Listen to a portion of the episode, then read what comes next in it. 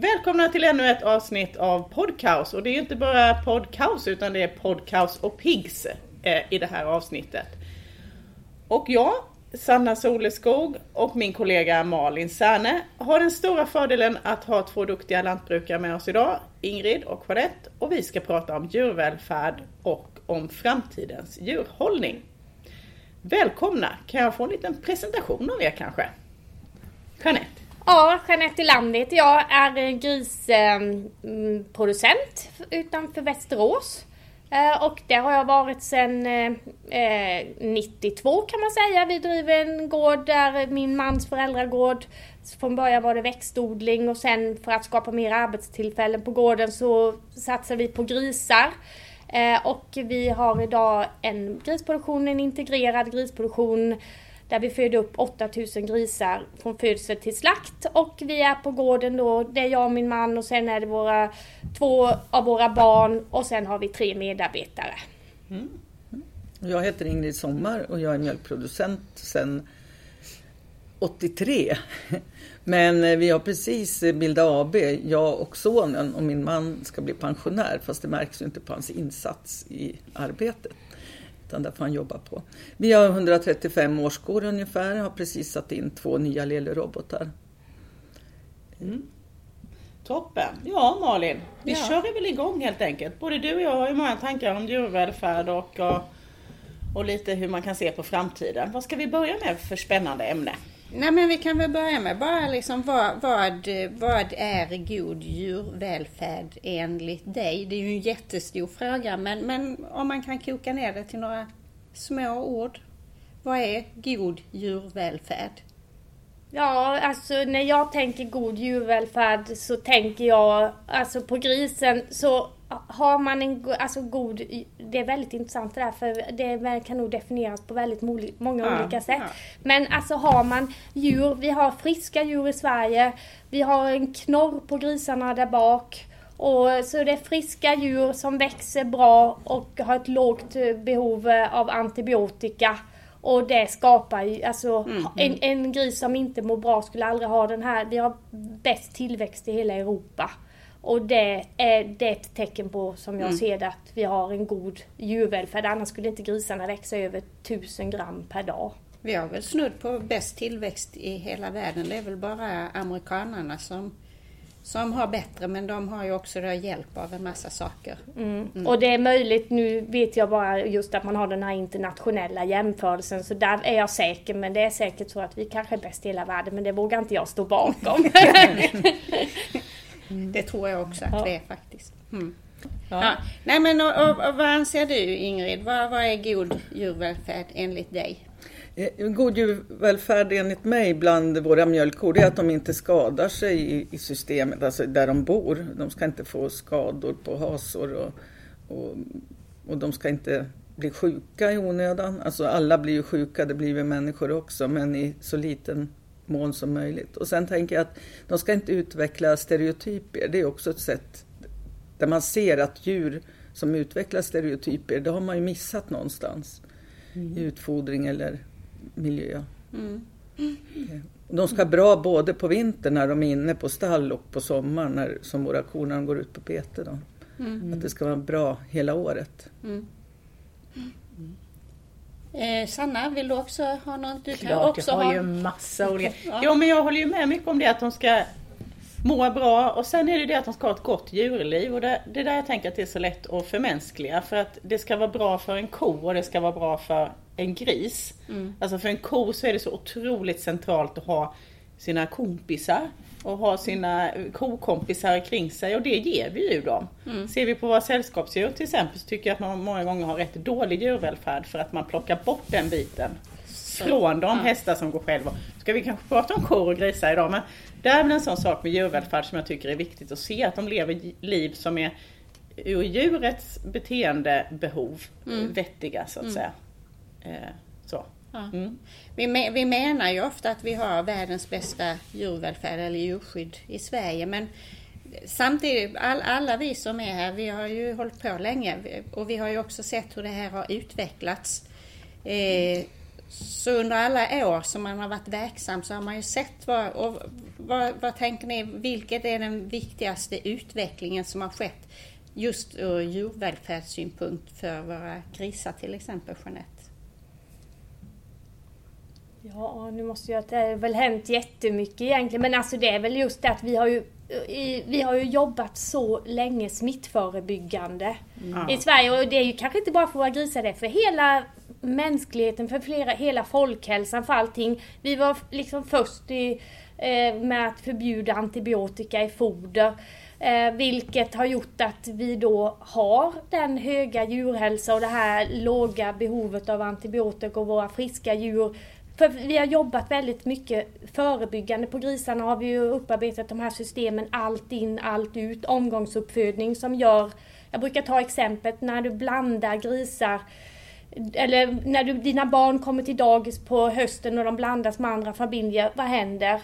Ja, alla blir sjuka. Mm. Och det är samma med grisar och djur. Blandar du olika djur eller ålderskategorier så blir de sjuka och det har vi jobbat väldigt strikt med att djur i samma ålder håller ihop och man flyttar dem och de sätts in i nya och tvättade stallar vilket har gjort att vi har väldigt friska djur och eh, har jobbat så här smittförebyggande. Mm. Så det är väl eh, och det har vi ju liksom gjort löpande och det, det blir ju bara, det har ju liksom förbättrat sig hela tiden liksom. Så ja, det, ja. det utvecklas ju hela tiden mm. att bli bättre och bättre. Ja. Och vi har ju visat att vi håller oss kvar på en hög nivå under alltså vi har ju inte försämrat oss utan vi visar ju i statistik att vi är, förbättrar oss löpande också.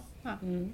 Så att, att ha friska djur är en, en sån som du säger och det har också, ja. och det jag håller, jag håller helt med där tycker också det är jätte, jätteviktigt. Och just det du säger, det här med, med um, omgångsuppfödningen, hur viktig den har varit för hälsan hos djuren och hur det har utvecklats under de senaste 30 åren. Mm. Har gjort jättemycket. Ja. Kan ni inom ko, vad har skett där på jag vet inte vad du säger, nu sitter vi här och skäms för inte omgångsuppfödning riktigt. Nej, men det, det är ju jättesvårt. Ja. All in all out med mjölkkorna. Det blir ja. en laktation då. Mm. Eh, Nej, men jag tänker på en sak som jag tycker har gjort mycket under de åren jag håller på. Det är smärtlindring. Mm. Mm. Innan var det liksom på med sjuka kor, antibiotika. Men smärtlindring gör ju så himla mycket för djuren.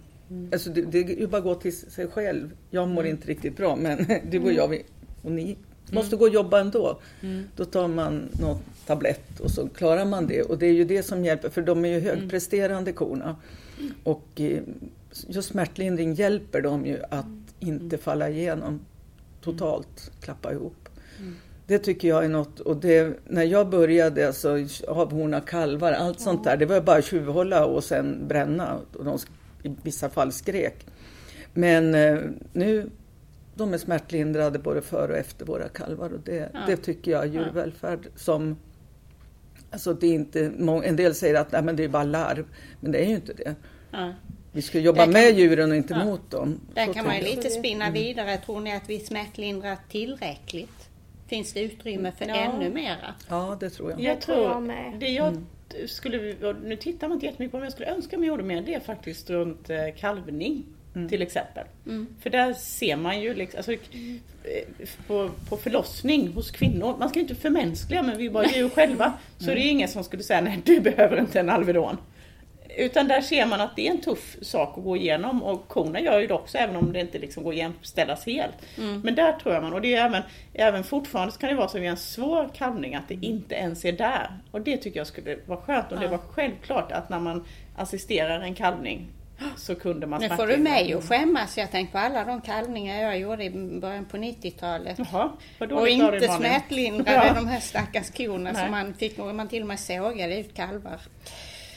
Men, men, där tänker jag lite, för precis just det som du säger med smärtlindring. Alltså vi har ju också något som har mm. kommit på gris, är faktiskt bedövning mm. och smärtlindring. Så mm. båda de, men just det här med smärtlindring, det fanns ju inte heller i början. Då var det ungefär, suggan hade hög feber efter grisning, på med antibiotika. Ja. Nu har suggan hög feber på dagen efter grisning, då får hon liksom, eh, eller ja, febernedsättande och smärtlindring, det är ju typ samma sak där. Och sen så gör man en uppföljning på eftermiddagen och nästan i alla fall så har ju febern gått ner.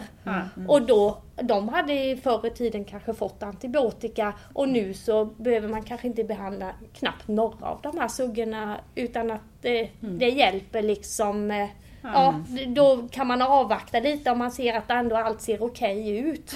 Så det har ju ändå skett, jag tror vi har fått en ännu mer ansvarsfull användning av medicin över tid också upplever jag. Ja, ja, men det håller jag med om. Det, det, det, precis som du säger att många gånger kanske det inte ens behöver behandlas med antibiotika. Nej. Just för att man har gett dem smärtlindring. Ja.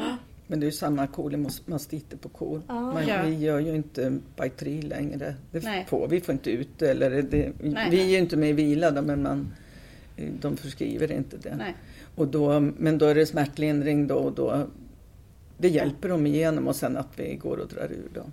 Nej, men det, det har ju gjort mycket både för, för mänskligheten och för djuren Ja. med smärtlindringen och att man använder den. Jag tycker att det är synd att vi som inte är med i vila då, i, man har ju inte delegerat eh, djursjukvården till mjölkproducenter så bra. Grisar och nötkött, ni har det och kyckling antar jag, ingen aning om. Men, men just till mjölkkor har man liksom hållit som sin sista utpost att er ska vi, ni ska, er litar vi inte på. Och det finns ingen som är så motståndare till att sätta en antibiotikaspruta i sitt djur som en mjölkbonde för vi får ju slänga mjölk nästa dag Mm. i rätt många dagar och, eh, så att, och vi håller noga reda på det. Visst det händer olyckor men Mm. det får ju den äta upp rätt så rejält när det kommer, om det kommer till mejeriet. Ja. Och just hade vi tillgång till smärtlindring så har man hjälpt djuret till veterinären kommer på ett annat sätt. Det är ju en stor skillnad mellan gris och, och mjölk just så Ja. att, för ni behandlar ju era djur själv Jeanette egentligen. Ja. Ni har ju inte akut veterinär. Nej, egentligen är ju det, Ja. det är ju, akutveterinär är ju en icke-fråga Ja. på gris egentligen. Liksom. Ja, vi Även att vi behöver ju veterinärerna, bristen, men akutveterinärerna är ju, det är ju aldrig egentligen på gris. Och den möjlighet med delegerad eh, inom mjölk på vila, den, är du inte, den tycker du inte är tillräcklig Ingrid? Det har jag Nej, ju- jag tycker inte det. har jag sagt många gånger. Och framförallt att vi inte får kalka kor för att det är inte kärnfysik. Det, det tycker en del, men det är ju inte det. Jag brukar alltid fråga veterinärer som, som säger att det är en veterinärgrej att kalka kor. Då säger jag, har du varit med om att en ko har dött någon gång vid kalkning? Ja, säger de. Och ändå var det en veterinär som gjorde det, säger jag. Så att jag menar, dör de så dör de. Ja. Då är det någonting annat som de inte pallar. Då. Men vi är ju mycket snabbare på. Men, men får ni alltså delegeringen på kor, det skiljer sig så att ni, har, ni får utföra en viss del då? Eller Ja, en viss del är det då. Mm, då är det antibiotika. Det här kan du, eftersom jag inte är med Ja, i vilan. nej, det är ju väldigt begränsade diagnoser. Det är Ja. egentligen eh, eh, okomplicerade juverinflammationer, Mm. eh, klövspalt om du har värkstol, lunginflammation och ledinflammationer på kalv. Men det är bara de och inget annat och bara Ja. penicillin. Ja. Och så är det ju ganska täta intervall på det. Så för de flesta, det är många som tycker att det inte lönar sig ekonomiskt. Mm. Plus att det inte kanske finns veterinärkompetens som kan reda ut det där på alla ställen heller. Nej, För det blir nej. täta intervall och då gäller det liksom att man kan Alla vill ju inte jobba med det som veterinär för de blir uppbundna då. Så att det har ju inte riktigt blivit en, eh, Nej, inte den en succén. kioskvältare liksom. Nej. Nej. Nej, för jag tänker det har ju också faktiskt med djurvälfärd. Att man snabbt kan göra en bra Mm. insats för sitt djur. Och jag tänker, har man jobbat i 30-40 år, Mm. alltså eh, jag menar, eller du Ja. behöver ju inte ens ha gjort det. Alltså du är, la- är du intresserad och är mån om dina djur, vilket du är, för annars hade du inte jobbat med djur. Nej. Då tänker jag att du har väldigt bra koll på att se om dina djur, vad de Ja. behöver. Och jag menar ofta är det väl så att nu får ju du som är veterinärmålen här, men jag menar du har väl ofta samma bakterier, alltså det, de problem du har de återkommer ju ofta i din besättning. Alltså det, Du har ju dina problem och din besättning har dina problem. Alltså, så man lär ju sig sina problem hur man ska hantera dem tänker jag. Ja, och det är det som är så värdefullt att ha att istället få ha en besättningsveterinär. Det är ju, vila är ju en del i, i, rätt riktning men där man kan bolla sina problem. Mm. Den veterinär, för det märkte vi tidigare, eller vi har ju haft eh, många olika veterinärer, men att man, den veterinären som hör av sig igen och frågar hur gick det? Med, till skillnad mot den som bara skriver ut och åker.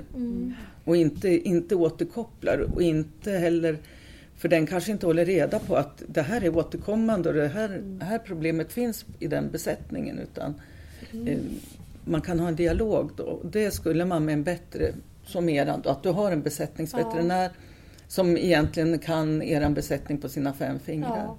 Och det saknar jag i mjölkproduktionen att vi inte... Och många är just precis som du säger, man har kanske 100-200 kor och man har haft det i 10 år. Det vore märkligt om man inte kände sina kor rätt så Ja. bra och, och vilka problem man har. Så är det. Och sen är det, ju- det finns ju alltid en eh, uppföljning hos veterinären. På köttsidan så får vi ha delegering på ett lite enklare sätt. Det är ju inte samma hårda. Där kan man bestämma de diagnoser som man vill och man kan ha det bara över kalvningssäsongen och sådär. Och då är det just det att då följer man ju ändå upp med jämna mellanrum. Så håller det på att gå åt eller man, har man missuppfattat någonting med någon diagnos eller så, så, så får man ju en, en, liksom en kommunikation med veterinären om hur man ska se på det och sådär. Så att man lämnas ju inte helt med medicinskåpet. Nej. Liksom. Eh, Men det är en möjlighet att liksom göra det på ett, ett rimligare sätt. Tror jag. Mm. Mm. Mm. Intressant. Ska vi gå vidare? Vi- Det finns en, jag tänker, eh, nu vet vi ju vad, vad, vad vi tycker är god djurvälfärd och så vidare. Och så finns det ju i branschen, både i grisbranschen och i, i kobranschen, så finns det ju besättningar som kanske inte alltid har så bra eh, välfärd, där det händer saker. Eh, och vi hade ju, det är ju många år sedan nu, men vi hade ju den här griskrisen 2009 när det var ute massa aktivister och fotograferade. Både, både det som kanske inte var så bra men även det som, som egentligen var bra som bara inte gjorde sig på bild. Eh, och då införde grisbranschen en certifiering för att säkra djurvälfärden efter och sen mjölkbranschen har Alagården och nå- något motsvarande så att vi ska liksom försöka certifiera besättningarna. Men på vilket sätt eller i vilken grad tänker ni kan de här certifieringarna säkra att det verkligen är god djurvälfärd? Vad tror ni? Eller vad säger ni? Jag tänker att certifieringarna är kanske mer för konsumenten. För jag tänker så här att när någon klappar igenom, för det är ju en människa som har klappat igenom någonstans. Och då, då går det så väldigt fort. Mm. Jag kan tänka mig vilket scenario, eller scenario att någon helt enkelt blir lämnad av sin man eller sin fru och blir kvar ensam eller det, det går inte bra ekonomiskt. 2018, det är jag förvånad över att det inte har inte händer mer. För jag menar, där, där var ju alla vi lantbrukare körda i botten och så kopiöst. Mm. Ehm, och vi som hade idisslare behövde ju ha grovfoder, det fanns ju inte. Eller det var väldigt svårt att få tag på. Och det satt ju i länge. Mm. Det var lika, ni fick ju inte spannmålen, man Nej. fick köpa spannmål, man Ja. fick inte halm. Man fick Nej. inte. Så det, det, ehm, det är det som, men det är ju en del i alla fall i att man, man tycker jag, när man går igenom de där frågorna i Alagården så, så ser man ju ändå, ja just det, det där och det där och det där. Det är ju en liten uppsträckning sådär att man Mm. Mm. uppfyller det här. Man får tänka igenom det. Men så är det ju lite egentligen med, med eh, grundcertifiering gris också. Det blir ju ändå en genomgång. För jag, jag menar det är ju lite samma som hanteras i en djurskyddskontroll. Och vi vet att djurskyddskontrollerna sker vad är det, var tionde år eller vad det man säger då. Och då kan ju detta vara ett sätt Alltså, alltså, som gör att du ändå tänker till och du får en genomgång även som precis som du säger Ingrid, är det något som går illa då går det väldigt snabbt. Och det är ofta inte att man vill att det ska, djuren ska fara illa utan du kan bara inte du kan inte hantera situationen och där är det viktigt med att du har ett nätverk som kan stötta upp i de situationerna. Eh, så det, det, vad heter det? Eh, Alltså det är en hjälp. Menar du det? Ja, det, är- det är ju en hjälp till Ja. att man ändå får en genomgång, Mm. att man uppfyller dem.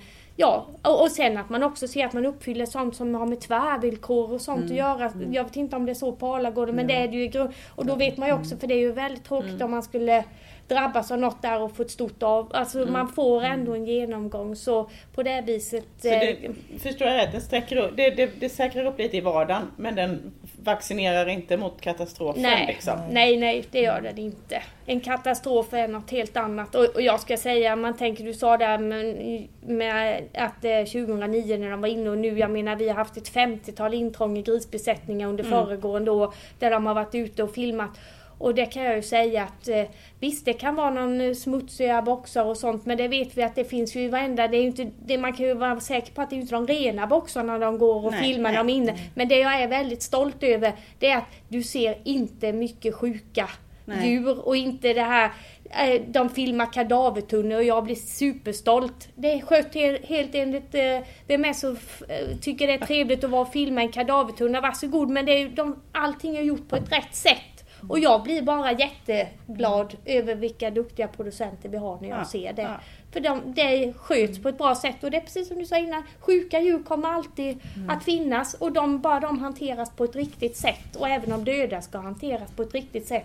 Och det, där ser man en klar förbättring kanske från 2009 att det är lite skillnad. För nu är det väldigt, alltså det är väldigt inte mycket sjuka djur och eh, grisar, döda grisar ligger i kadavertunnor och det är precis enligt reglerna. Ja, ja. Men, men är det inte lätt? Jag tänker att i, i moderna grisföretag är ju stora ofta. I princip alla har personal. Då finns det ju någonstans en, en eh, lägsta nivå. För jag menar, personalen jobbar ju på och kommer om, man, om man tappar bort hela den. Men jag tänker att det händer oftare med, med mjölkbesättningar att det, att det blir den här fallande skalan. Och att det inte... Och det såg vi på den här Uppdrag granskning Alagården. Jag vet ju inte, jag tyckte en del sekvenser såg eh, manipulerade ut men ändå, det var ju inte det var ju inte en sån gård som man är stolt över som det här är min kollega, det de visade. Men det är lättare om man är ensam Mm. Och blir ännu mer ensam. Ja. Så att det här med, med att man har... För det har jag alltid Ja. varit så avundsjuk på gris. För gris är... Ni har grupper Ja. och ni stöttar varandra och de här suggnaven och allt det där. Ni har liksom hjälpt varandra och stöttat och haft som eh, ja, benchmarking mot varandra som jag tycker att vi mjölk inte har haft.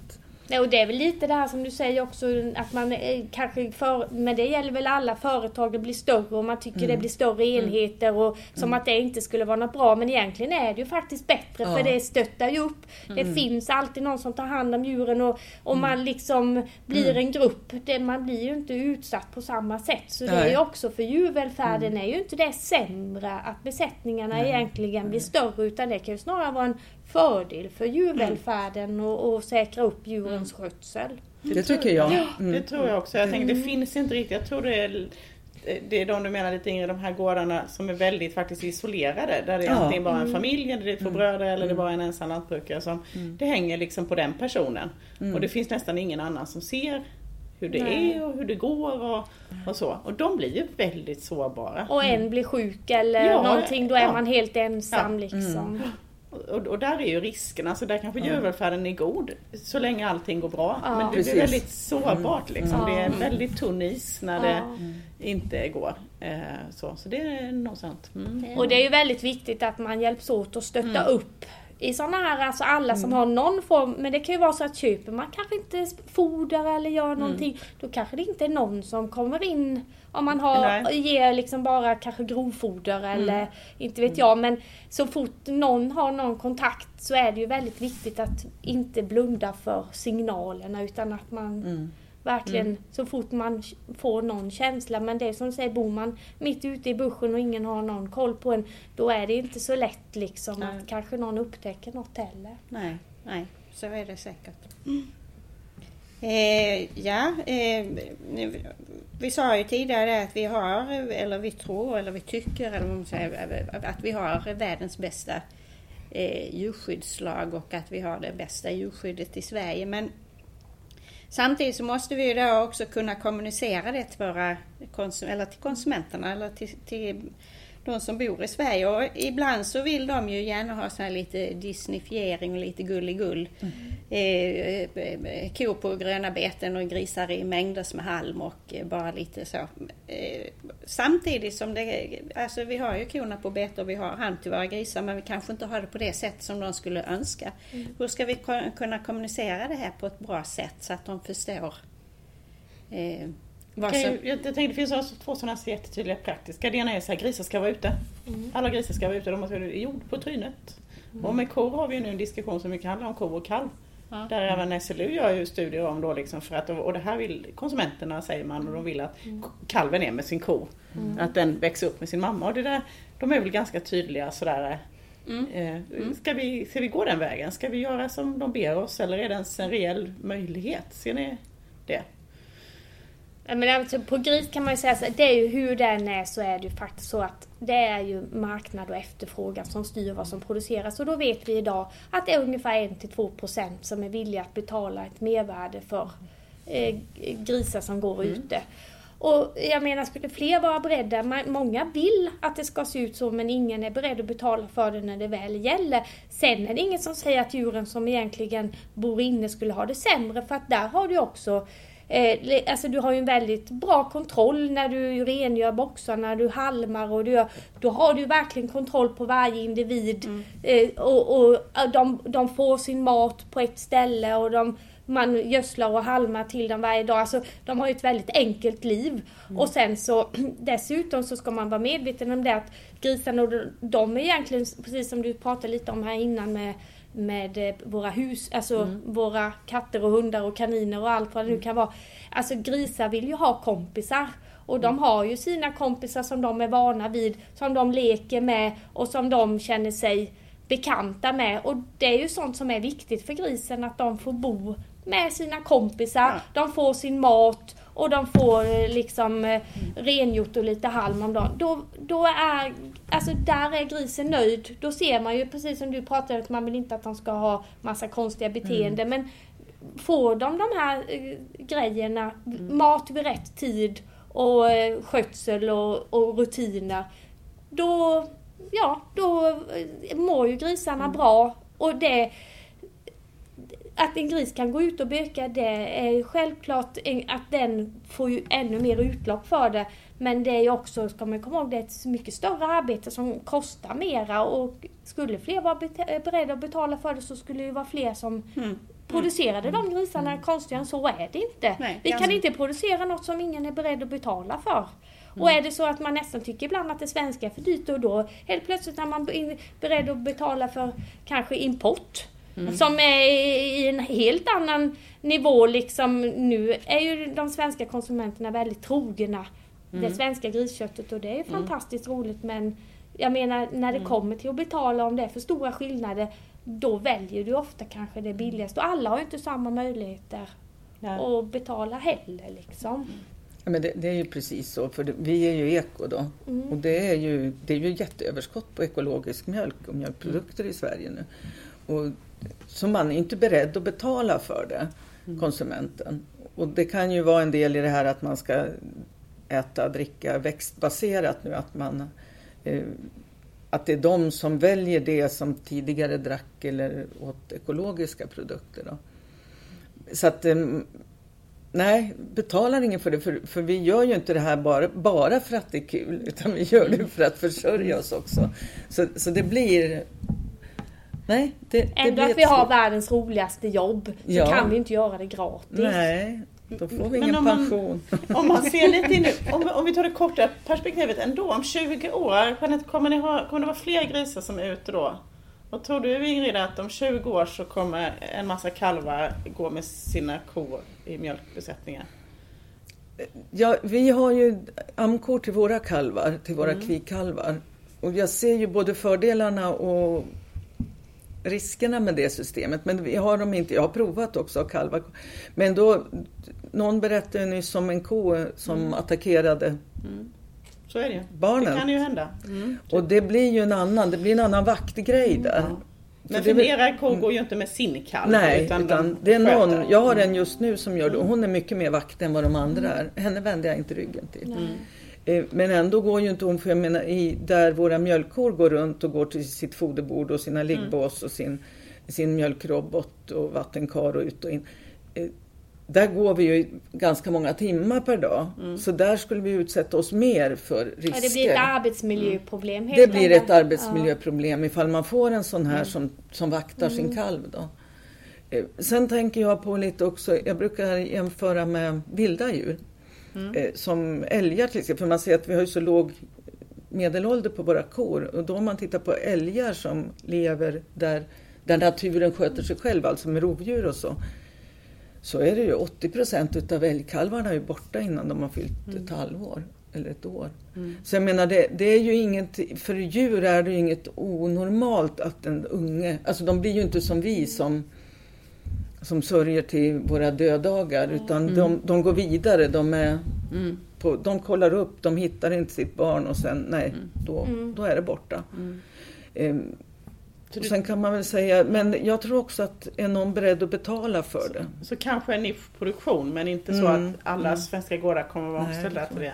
Vad kommer du ha med grisarna då om 20 Nej, jag tror inte heller, och jag säger det att det, jag tror också det kommer vara en nischproduktion även i framtiden. Och det är ju viktigt att det finns det för att alla gårdar har ju olika förutsättningar, olika sätt att eh, utnyttja sin gårds förutsättningar. Och då ska ju de som nu har byggt upp de här systemen och gör det väldigt bra, då, då måste ju de få fortsätta att kunna tjäna pengar på det de har blivit duktiga och gör. Men det jag tror framåt är att vi kanske kommer ha lite andra eh, system, alltså boxsystem och sånt. Att det kanske kommer ut, det, jag menar nu är det lite att man kanske provar lite större boxar och sånt där du kanske kan få in lite mera hjälp med att eh, automatisk vägning och det kanske automatiskt, alltså det blir, vi måste ha mer hitta system som är mer arbetssnåla, eh, som är mer konsumentvänliga och då kanske man upplever att är boxen lite större, att man tycker att det är trevligare.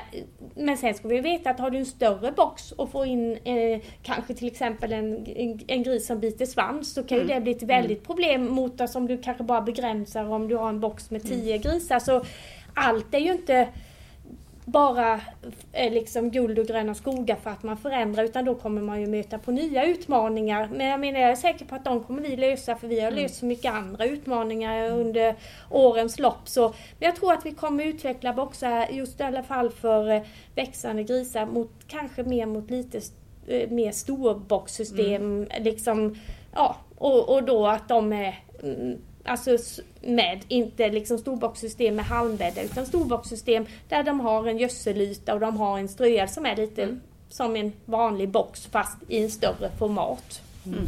Jag ser väldigt positivt på, djur, på djurvälfärdsutvecklingen på kosidan. Det är ju det att jag kan ju säga att det är först nu som vi börjar ha lärt oss hur ett lösdriftssystem ska se ut för kor. Vi har ju inte varit kanske världens bästa på det. Vi var bra på uppbundna kor men sen övergången har varit rätt svår.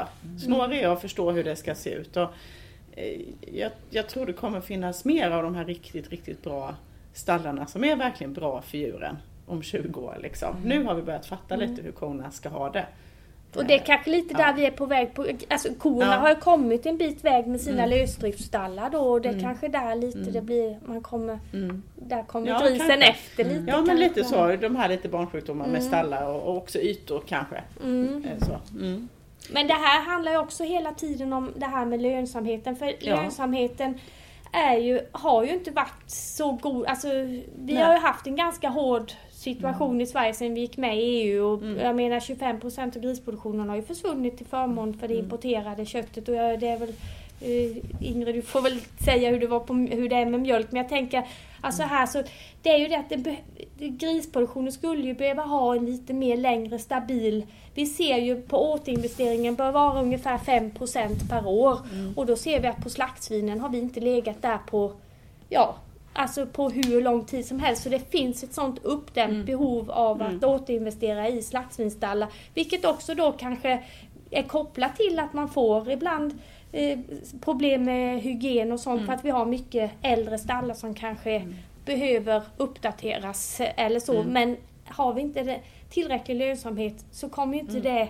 Lönsamhet skapar ju nyinvestering och där har vi ett problem, i alla fall på grissidan, att på suggsidan har man haft vissa man ser vissa kurvor att det har liksom eh, man har investerat i mer eh, Nu visar Jeanette upp och ner med Ja. handen, det kan vara bra i radio. Och Ja, precis. Men just där att man har haft ändå varit uppe och klarat den här eh, återinvesteringen på de här 5 procenten. Men slaktsvinen har inte ens varit i närheten och nosat. Så just slaktsvinsproduktionen, där finns det ett uppdämt behov att återinvestera i nya stallar. Det är samma sak i mjölken. Och där tycker jag, vi pratar om att vi blir, som du säger, att vi inte blir, eh, Vi byggde ju ett nytt stall för 18 år sedan då. Och eh, det var ju väldigt mycket som vi ville göra som vi hade sett utomlands. Men då fick vi svaret när vi skulle förpröva så gör man inte i Sverige. För jag tror att vi i Sverige har vi liksom tryckt att vi har varit bäst. Mm. Men vi har inte varit bäst. Vi var kanske väldigt bra på uppbundna kor. Ja, det tror jag fortfarande vi är faktiskt. Jättebra på uppbundna kor och ja. datavagnar. Det är nog ja, faktiskt, ja. men det är inte kanske framtidens melodi. Nej, och då, och då blev det ju, mm. för jag ser att vårat stall är ju inte optimalt. Mm. Utan vi, nu lägger vi ner miljoner för att förbättra det mm. igen. Och, det, det är ju, och då måste man ju verkligen vilja hålla på med det här. Eh, och det vill ju våran son tydligen. Då. Men det, och det är jättekul. Det är jättekul att han vill det. Och han, han till och med tog med sig vallhunden igår och gick och skulle hämta kor. Mm. Han som aldrig har tyckt om mina hundar. Mm. Det händer något. Börjar slåss om dem också. Ja. ja. Nej men det, det, är viktigt att vi får bra system. Och sen mm. lönsamheten. Utan lönsamhet kan vi ju sluta alldeles. Mm. Det är ju bara så. Men när du säger att, ni, att, att, eh, att det finns att hämta utomlands ifrån, vilka länder är det framförallt du tänker på där som är föregångare på mjölkko? Eh, alltså stallsystemet, det är ju de som inte har sina djur på bete. Ja. Det är där vi får hämta de, de riktigt bra mm. stallarna och det är ju tråkigt då om man bygger upp allting på att korna går på bete på mm. sommaren. Och sen har de ett skitdåligt system, stall på vintern. Ja. Jag menar, det är ju typ som farmor och farfar hade. De, korna stapplade ut på våren. Alltså det, de hade ju inte foder och någonting eh, på den tiden. Men eh, i Holland, det, ja. USA, andra, de har sandbås och de har ju mm. helt andra system. Det som, kan vara, liksom, det kan, som kan vara upplivande att se det, för vi tänker så här, ja men Holland eller Nederländerna och mm. Wisconsin till exempel, de är, mm. är, bra på det. Men sen när man ser de bilder och så från stallar från Saudiarabien och sådana ställen där vi tänker, va? Har de kor där? Mm. Där har de en sån utmaning, så där är det ju inte ta någon bete på någon skogsbacke, utan där måste det ju vara riktigt bra för dem inne. Mm. Och det är väldigt uppfriskande att se, ja, då gör man så här. Mm. Och då är det ju ofta lite större ytor, sandbås, bra ventilation, bra mat, mm. stressfritt gott om plats för varje ko. Alltså mm. andra grejer. Så, att, mm. så kan till och med Saudiarabien och andra lite mer mm. udda koländer vara liksom en inspiration. Mm. Eh, faktiskt. Eh, skulle jag säga. Fastän det kanske inte man egentligen kan tycka att våra funktioner där att göra. Men där har man verkligen fått fokusera på stallkomfort. Mm. Mm. Så. För på grisen kan man ju säga att det är väldigt svårt för oss att hitta system utomlands eftersom att vi är ju liksom ensamma om att ha grisar med knorr. Mm. Och då är kanske många system inte byggda. Alltså, där, mm. Man vet inte hur fungerar de för en Nej. gris med knorr. Det vet mm. vi inte. Så det, det, det, är lite klurigt det där. Och mm. Det kan ju också bli väldigt kostsamt när man ska uppfinna systemen själv. det är ju väldigt bra om mm. man kan eh, överföra bra ja system ja, och bara liksom kopiera än att du ska hitta på någonting själv och utveckla. Det kostar ju väldigt mycket kanske både i pengar och produktion. Och så är det väl i och för sig. Sandbås är en sån här självklar del i hela världen men den har ju, den har ju liksom krockat nu med det svenska. Dels har vi inte sanden. På många mm. delar i Sverige har vi inte sån sand. Och sen ser vi ju på den på ett annat sätt att man måste cirkulera den då. Mm. Så det är väl typ en sån där man inte kan bara plocka mm. och säga så här gör vi. Utan man måste hitta på något och det är lite klurigt. Det är bättre när man kan ta ett helt system ja. som man vet ja. funkar. Och mm. det, det, kan vi ju inte riktigt med sandbåsen i Sverige. Mm. Nej, och det kan vi ju inte riktigt på gris heller. Det är, inte bara, det är inte bara knorren utan det är halmen och det här ja, också. Ja, precis. Det är halm, ja. Exakt. Ja. Halmen och knorren är ju liksom våra... Mm. Ja. Det är ju det vi är stolta över men det är också vår utmaning liksom. Precis. Eftersom att inte, det andra system är liksom mm. inte gjorda för sånt. Nej, nej. Och det är också egentligen, men då kan man ju då vända på det egentligen för att det kommer ju utomlands, kanske inte halmen kommer ju kanske inte utomlands, men knorren är ju faktiskt förbjuden egentligen att, att, att kupera mm. inom mm. EU. Mm. Eh, så alla andra länder utom vi och Finland eh, bryter ju mot den lagen. Mm. Men, och de ser ju väldigt svårt att, att, inte, alltså att kunna eh, ha okuperade eftersom de inte har system som gynnar mm. grisar med knorr. Så att, eh, men på något sätt, där är ju frågan hur vi ska kunna påverka dem. Om vi, för vi tycker ju att vi har bra, i alla fall på gris, att vi har ett bra djurskydd och vi har en mm. bra eh, produktion. Eh, och så försöker vi ju påverka andra länder via EU att, att eh, göra som vi och det går ju sådär.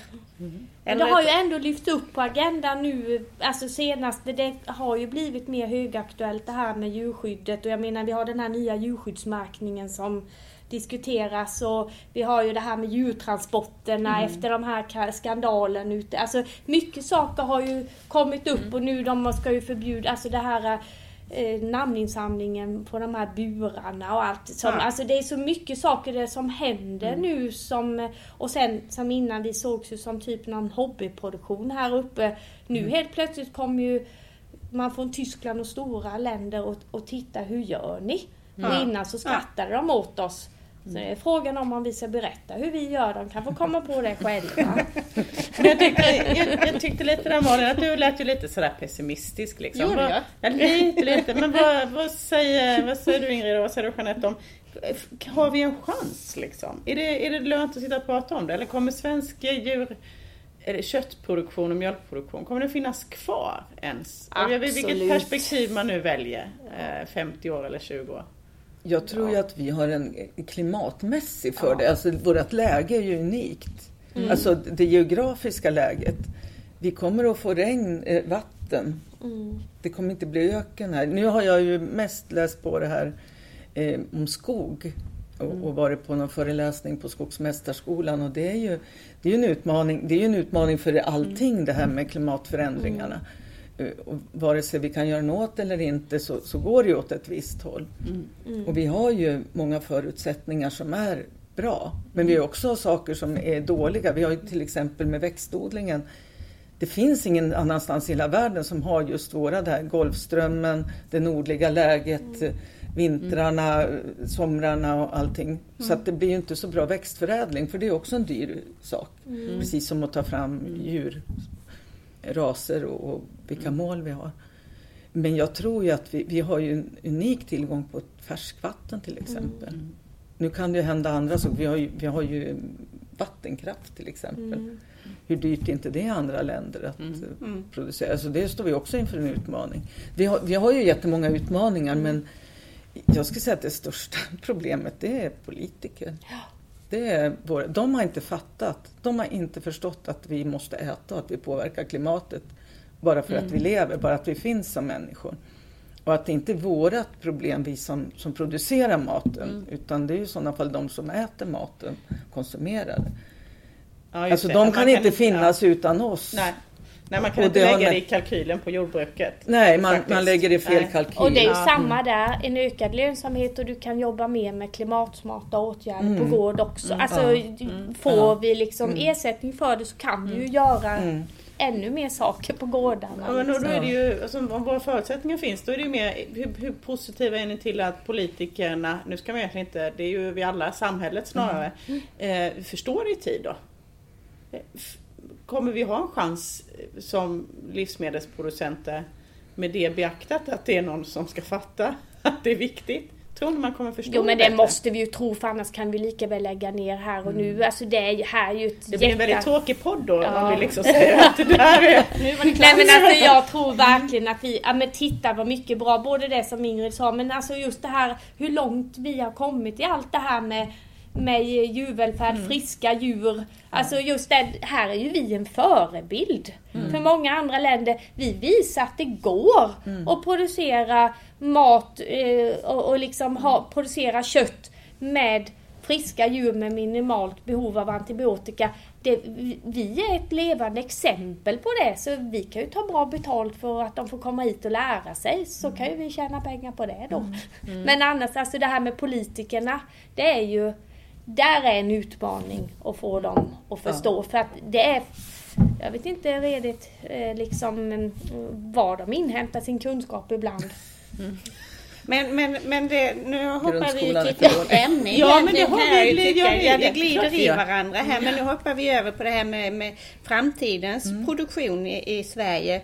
Eh, jag, jag, kände väl kanske inte riktigt att jag hade avslutat Nej, du, djuren. Du kan vi vända tillbaka till det då. Så faktiskt. nu går jag tillbaka här igen. Jag bara tänkte, en, en, en, en, för vi har ju också en, en eh, tillsyn från myndigheterna på, på hur vi sköter vårt djurskydd.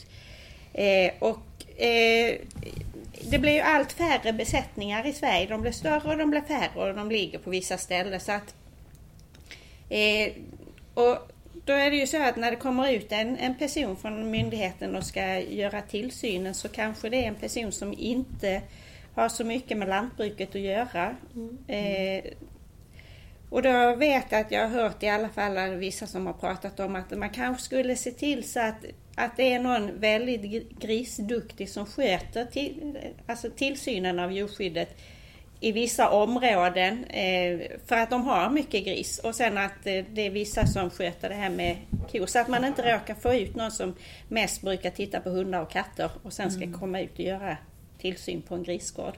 Hur tänker ni om jag vet, det är ju ett helt system som är uppbyggt kring det här. Alltså jag vet mm. inte, men alltså det viktigaste är ju att man har eh, regelbundna kalibreringar.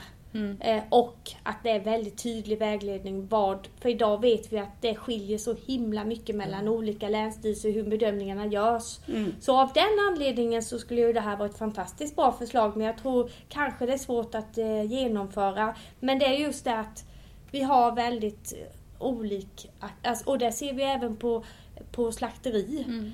Alltså det kan ju skilja, vi har skickat grisar kanske till tre slakterier från samma avdelning samma vecka.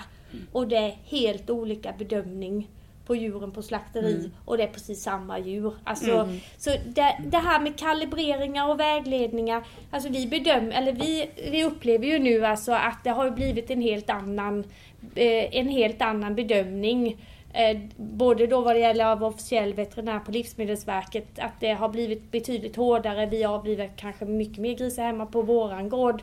Mm. För man vågar inte skicka dem till slakteriet med rädsla för att bli polisanmäld av någon. Alltså, mm. det kanske inte, man kan ta en diskussion med vår besättningsveterinär som säger att det här djuret, det kan du skicka till slakt. Men ändå vågar man inte för att det är ändå djurägaren som är den som drabbas och råkar illa ut. Så eh, alltså systemet vi har måste bli mer likställt och det gäller allting. Det är det viktigaste. Sen hur vi löser det, det är väl en fråga liksom. Men det, och sen är det ju som att man säger när man tar upp det här med Livsmedelsverket att man upplever att det är så här. Då är ju deras svar att ja, vi har blivit mycket bättre på att göra en bättre kontroll. Men då kanske det också är viktigt om man nu gör en bättre kontroll, då är det ju lika som att man säger att man ändå har förändrat den. Då är det också viktigt att, att, att förklara för lantbrukarna vad som förändras så att lantbrukarna har rätt att göra, mm. alltså kan göra rätt. Mm. Och det är det, det, jag tror många känner en väldig otrygghet mm. idag kring både djurskyddskontrollen och att skicka djur till slakt. Mm. För att man kan bli så hemskt utsatt och det är inte okej. Okay. Det är samma anonyma anmälningar. Det har ju ja. vi drabbats av en gång. Och det, det, man är inte värd någonting Nej. i den kontroll eh, då. Utan det är inte förrän man får in en veterinär som skriver ett intyg, ja då är det lugnt liksom. Fast jag kan säga att så här är det. Mm. Eh, och då, är det, då tar man en, alltså en människa som är ute och promenerar med sin hund och tycker att så här ser ut. vet en gård här som har korna efter E18. De blir anmälda hela tiden för folk åker förbi. Det är en ko som ser sjuk ut och så ringer mm. de till polisen, till Länsstyrelsen till mm. och då har de gjort då en, en riktig bedömning anser mm. de på ett sjukt djur. Mm. Och det är en ko som kanske ligger och sover på sidan eller en ko som ja, står ja, i det, botten ja. på ett dike. Men det är ju inte djurskyddskontrollen för det är den som ska vara mm. professionell och och det, jag tycker att det har blivit bättre här i länet. Ja, alltså nu pratar mm. inte jag om vårat Utan det är generellt. Län, vi, ja, ja, generellt. För vi, alltså det finns ju de länen där det fungerar jättebra och de ska ja. ju vara mm. förebilder för ja. de andra länen. Mm. Så där ska man vara väldigt tydlig att det skiljer ju över... Det skiljer för alldeles för mycket. Men det är därför det är viktigt mm. att det blir mm. lik, alltså att du gör en mm. likriktning i det är bedömningarna. Ens, det är inte ens lika, alltså LRF Mälardalen är ju tre län, Stockholm, Uppsala och Väster, Västmanland. Och det är ju inte alls lika i de tre länen. Nej. Det är ju bedrövligt för det är ju mm. det där med som du pratar om med osäkerheten. Den är ju mm. en enorm stressfaktor upplever jag för ja. många lantbrukare. Att man mm. inte kan veta att man har gjort tillräckligt. Mm. Alltså även om man har kryssat i allt i Alagården mm. eller mm. vad man kör och även om man har gjort allting så kan man ändå inte veta att det är tillräckligt. Nej. Att det är liksom, och då, för då kan någon komma och säga och det gäller ju både CDB och det gäller mm. eh, sammansökan och det gäller djurskyddet och det gäller mm. allting. Och det, mm. Den är ju inte okej okay att, att bli utsatt för den pressen egentligen. Man måste ju kunna tänka att nu har jag gjort allt, nu kan jag. Och det är ju samma det här om, du, om man säger som Livsmedelsverkets officiella veterinär på slakteriet. Det är ju, du har ju inte någon chans att säga Nej. emot om deras, vad de säger är lagen liksom. Det, du, där borde man ju, om det blir ett sånt fall att man hade ändå kanske resonerade mm. med någon mer veterinär för att Ja. få någon, men här är det ju liksom en veterinär kan säga en sak och det är det, så är det. Så har man ingenting som lantbrukare eller har man, ju, man har ingen, man är ju inte deras, man kanske inte ens får reda på det förrän man blir liksom eh, eh, ja, man får en polisanmälan på sig. De ska ju meddela nu men det är ju, det är ju ändå liksom du har det, vad heter det, Livsmedelsverkets motpart är ju slakteriet. Så du som lantbrukare har, det är inte, du är ju inte direkta motparten heller till slakteriet så där blir ju väldigt konstigt. Det är du som råkar illa ut men du är inte liksom egentligen ja, den som är, ja, Och det- får, ja, ja, Nej. Och det finns ingen do- dokumentation. Nej. Utan beviset, djurkroppen är ju borta. Ja. Antingen, den är ju ofta kasserad. Och, nej, det, nej, det tycker jag också. Det är, Ja, det är inte ens säkert att det kan finnas en eh, stämpel kvar vilket Nej. nummer djuret hade utan Nej, nej, vi vet bara att djuret är från din gård. Ja, Utan- nötkreatur, ja, de. Ja, de har, ja. Och det är också en sån där grej, de kan tappa båda lapparna på, på transporten Mm. och sen blir de kadaver. Bara för att de inte har... Och det känner jag att det är en skillnad på större och mindre slakterier Mm. faktiskt. Större mer så här bara. Nej men Ja. tryggheten är något som är viktigt Ja. Jag framåt. tror det också. Jag tror den är avgörande för att vilja vara med. Liksom. Ja. Ja, om vi ska ha mat. Ja, det blir ju det liksom. Ja. Ja men okej, nu känner jag att jag är... Nu Nu du är du på banan djurvälfärd, här. att det är Nu kan jag Ja, det är med djurvälfärd. Ja. Du följer ett schema. Vi är... Ja. Så att eh, just det här med framtidens eh, produktion i Sverige, det, det var vi redan inne på. Och då tog ni upp det här med klimat direkt, att, att Sverige har... Men eh,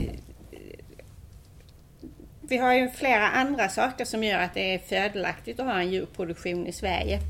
Men samtidigt så det, det kanske egentligen en, en sån här egentligen kanske en avslutning men vi- alltså vill vi ha ännu mycket mer? Vill vi, vi är ju inte, inom gris är vi ju inte så stora på djurproduktion eller köttproduktion som, som danskarna till exempel, eller tyskarna eller spanjorerna som producerar massor.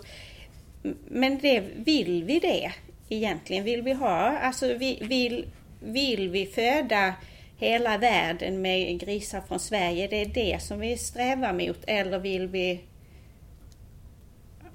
Ja, ni förstår vad jag menar. Lite, vi, Vad är målet? vad är liksom? målet? Ja. Ska vi ha, ska vi ha en, en bra produktion för, och, för vår egen konsumtion eller ska vi, siktar vi på att vi ska bli stora och eh, föda resten av jordklotet också?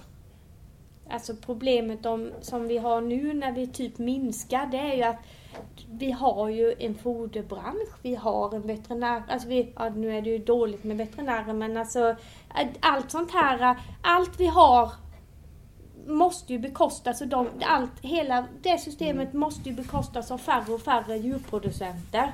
Och därför är det viktigt att eh, alltså, vi, vi kan inte hålla på och minska hela tiden. Då blir det bara dyrare och Ja. dyrare här. Så på det viset så skulle man ju snarare vilja öka. Vi har ju mark. Ja men titta hur mycket mark skulle inte kunna betas. Om någon fick upp ögonen för politikerna kanske fick upp ögonen för all den här marken som vi skulle kunna utnyttja och förse världen med mat liksom. För vi har massa naturliga beten och sånt. Och det är synd att man inte h- hittar system som gynnar att använda det utan man hellre låter dem växa igen. Sen så, jag menar vi har ju också friska grisar och som vi skulle kunna producera hållbar mat för resten av världen och som kanske skulle gynna oss. Men allt sånt här handlar också om att du måste ha dina inarbetade exportkanaler för så fort det börjar bli risk för överproduktion så kan ju det lika vara lika med fallande priser. Så det vill ju till att man har väl upparbetade kanaler och ventiler. I sånt här för annars kan ju faktiskt en för stor produktion bli ett stort problem också om inte du vet vad du ska göra av dina produkter. Precis. Ja, så länge vi producerar till det vi kan konsumera inom landets gränser så är, är ju den produktionen mindre sårbar än om vi skulle producera för Bara andra. för att också ska man komma ihåg att de svenska konsumenterna är väldigt eh, eh, trogna, alltså våran produktion och där är ju vi tillsammans med England och Finland unika i EU. Alla andra länder är inte alls lika patriotiska som vi är. Nej. Så där har ju vi lyckats lyfta upp våra mervärden i Sverige. Så egentligen skulle inte du som grisproducent gladare om, ni var, om det var dubbelt så många grisar i Sverige? Det är liksom inte ett, ett Jo, mål i men det skulle jag nog säga, men det vill till att vi... Det skulle ju egentligen bara gynna eh, oss. Det tror, alltså, då kan du också forska mera och bli duktiga. Alltså, du, det är allting, så självklart så skulle det gynna. Men det är ju jätteviktigt att du har system, att det går i takt och du verkligen hittar så att, inte det, alltså, att man inte får en... Ja, att inte du vet vad du ska sälja. Alltså att allting faktiskt, du, du har ett upparbetat system som klarar det. Det, för jag menar, titta på Danmark som exporterar väldigt mycket. Alltså deras, eh, de har ju en otrolig stor produktion och det bygger på export. Jag vet inte, är det 80% som exporteras? Alltså det är ju stora volymer som exporteras. Det är ju, och, och det är, det är ju deras, vi har skogen, de har grisen och därför är ju liksom politikerna värnar ju deras grisproduktion för det är ju det som är deras.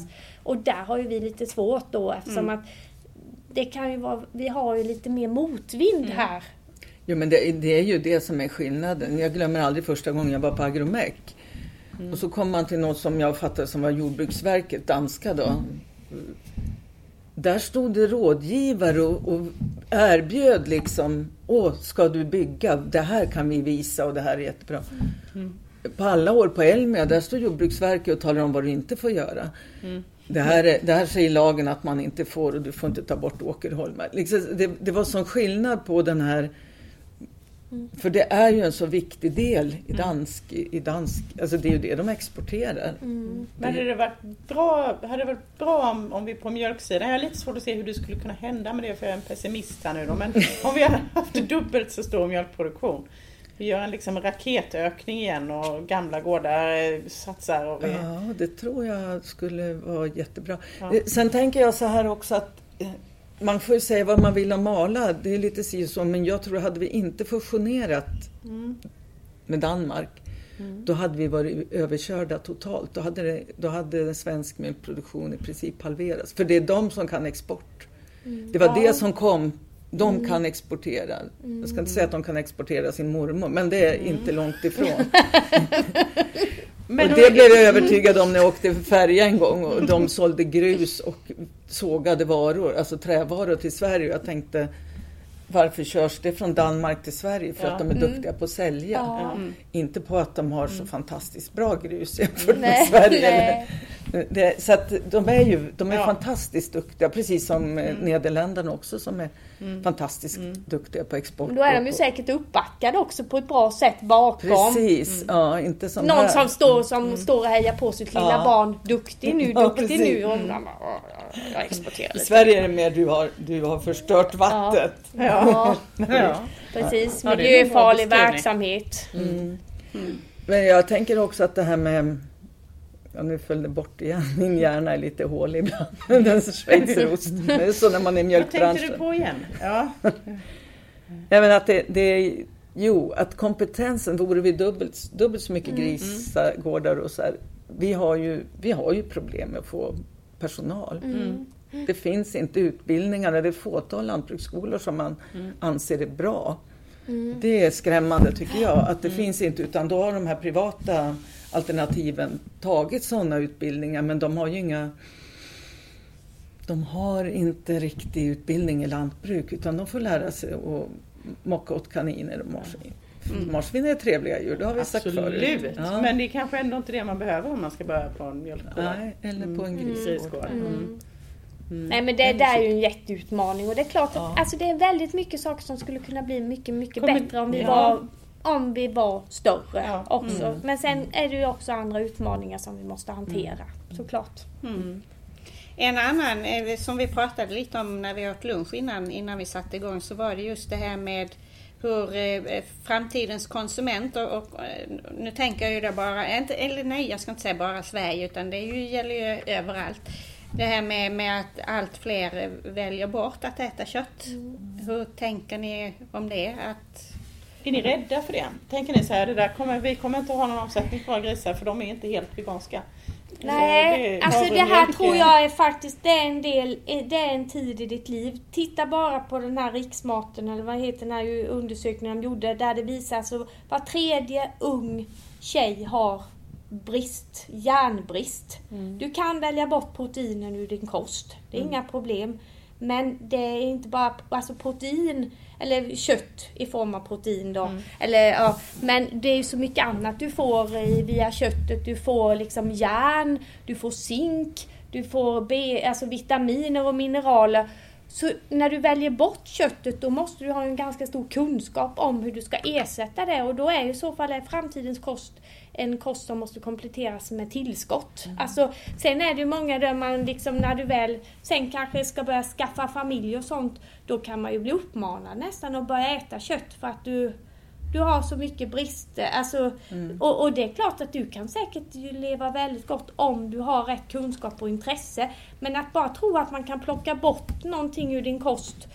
Det funkar ju liksom inte så. Det tror jag inte alla är medvetna om. Men menar, menar du att man inte orkar hålla igång det när man Nej, och det tror jag, alltså mm. ren vegan, vad säger man? Att det orkar man bara i ungefär fyra månader. Alltså om inte du verkligen l- lever för, alltså om du tänker att ja, men nu ska jag bli vegan, alltså ja, då, att verkligen orka det, det brukar funka kanske fyra månader och ren vegetarian kanske några månader till. Alltså när man har tittat på hur länge man har varit det.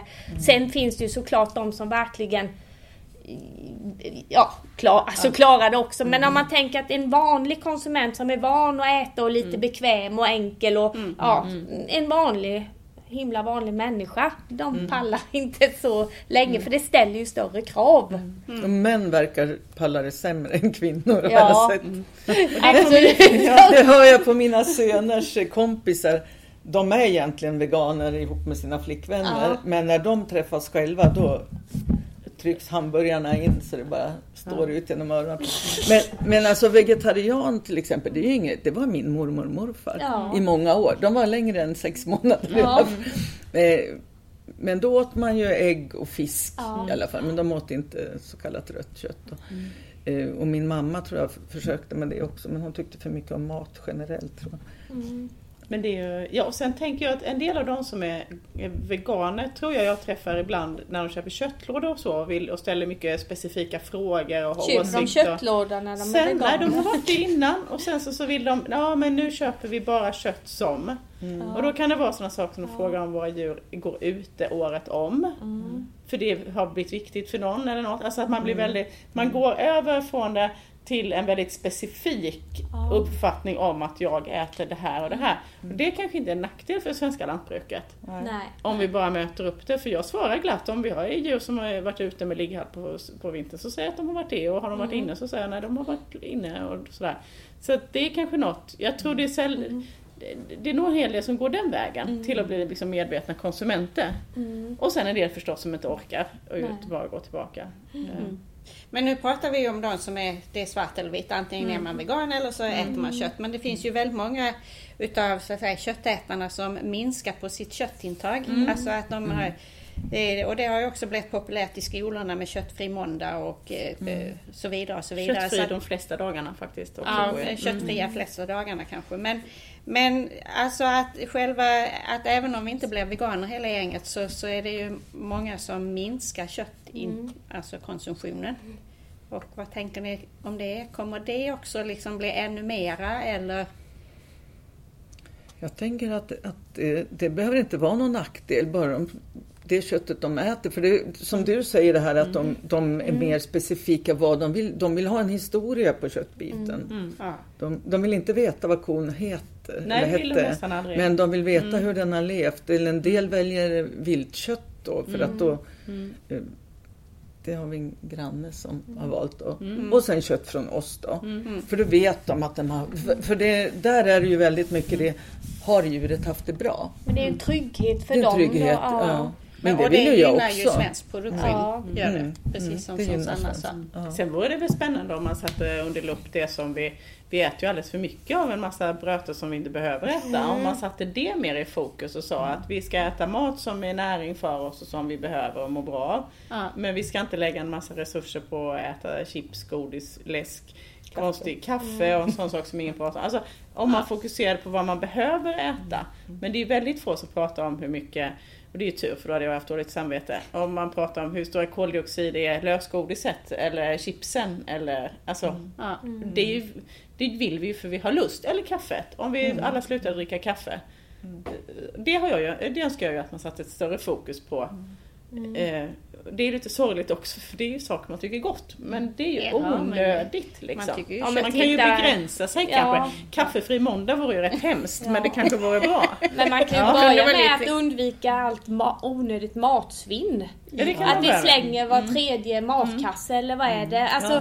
Då kanske man kan få fortsätta äta lite Ja, eh, onyttigt om man börjar med att titta på att, för alltså på 50-talet la vi, la vi 50% Mm. av vår inkomst på mat. Idag är det typ 11% Mm. eller någonting. Alltså maten har ju ett sånt väldigt lågt värde.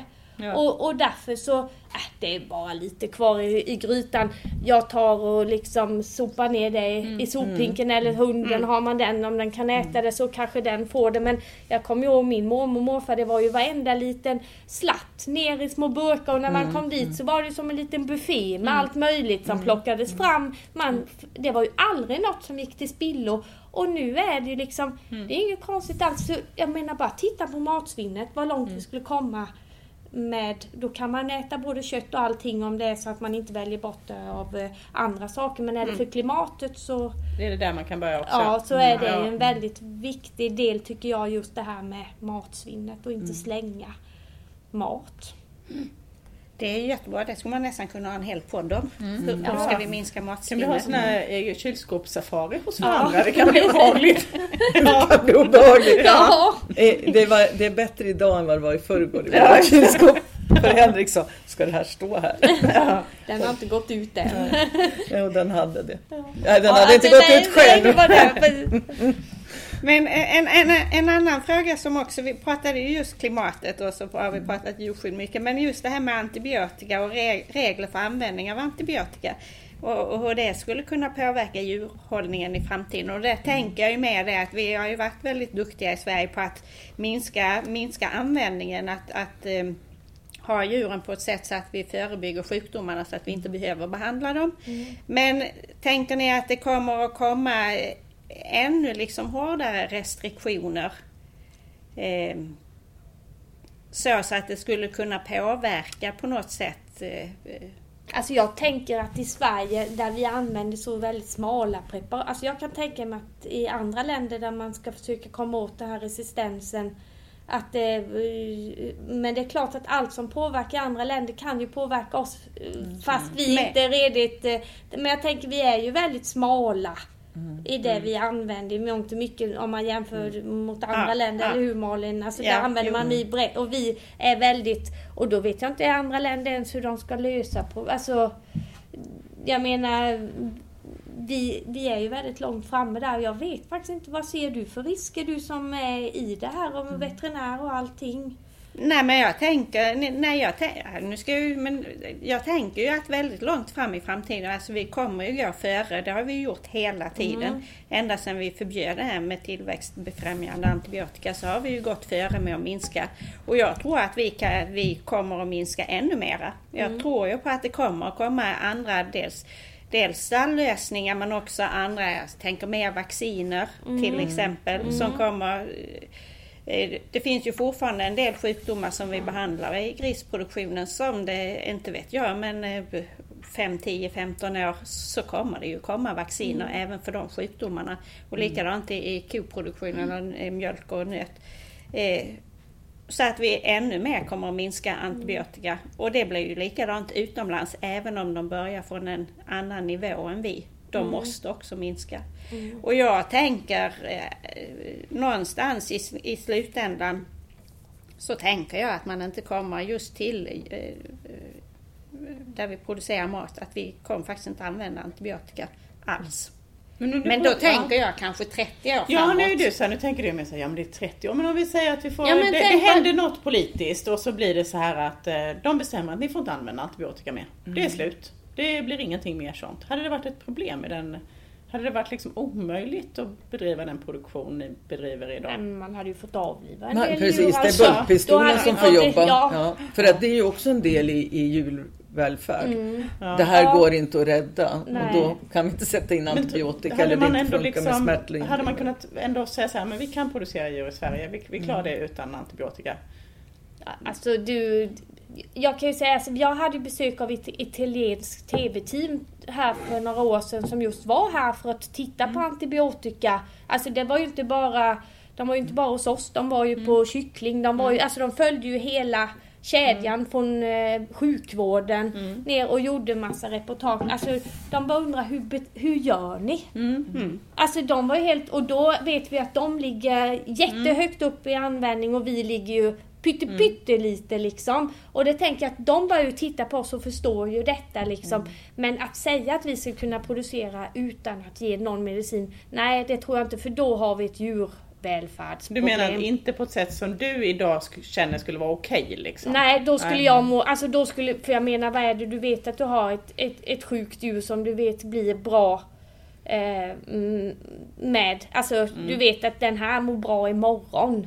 Alltså du skulle ju få ta väldigt mycket beslut. Hur länge ska du vänta innan djuret blir bra innan du avlivar det liksom? Mm. Alltså, för nu är det ju ändå du ger medicin och har du inte fått ett svar Mm. inom en viss tid som du tycker är rimligt för den här åkomman, då är det bultpistolen.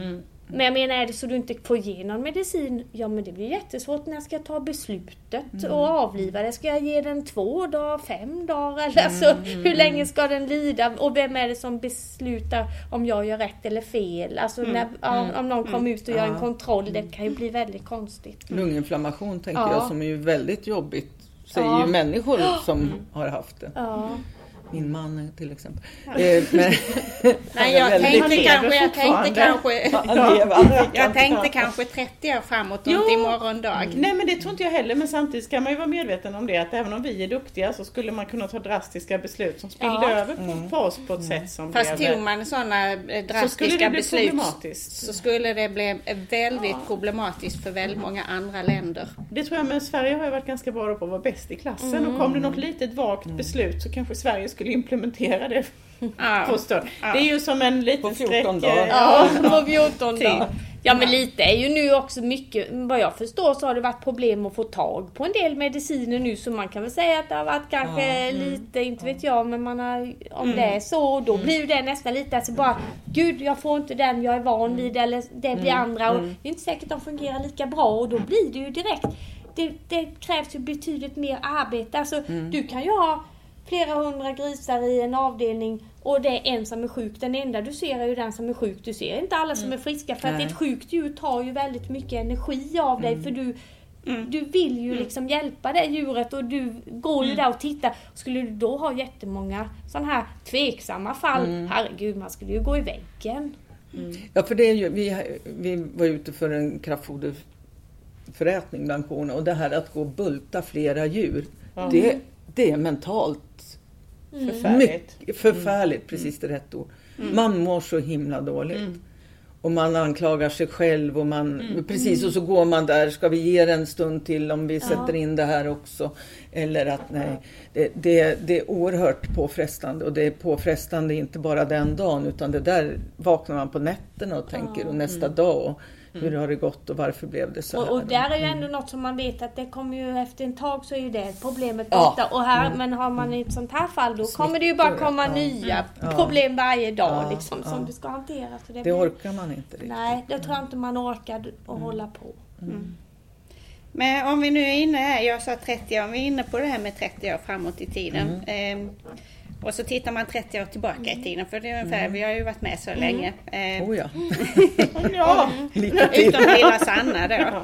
Men, men om man tittar 30 år framåt eller ännu längre, hur, hur tror ni att det kommer att vara då? Ja, alltså, och då tänkte, jag sa, sa ju med antibiotika kommer det vara tillåtet att använda antibiotika, men vad tror ni Eh, om produktionen i stort? Liksom. Ja, om produktionen i stort i Sverige. Vad tror ni? Hur tror ni det kommer vara? Jag tänker bara titta på grisproduktionen som jag känner bäst. Så har ju den här strukturrationaliseringen varit mm. ganska eh, avsevärd. Från när jag, när jag startade i början på 90-talet så var här typ 20 000 grisbesättningar i Sverige. Mm. Eller ännu mer där.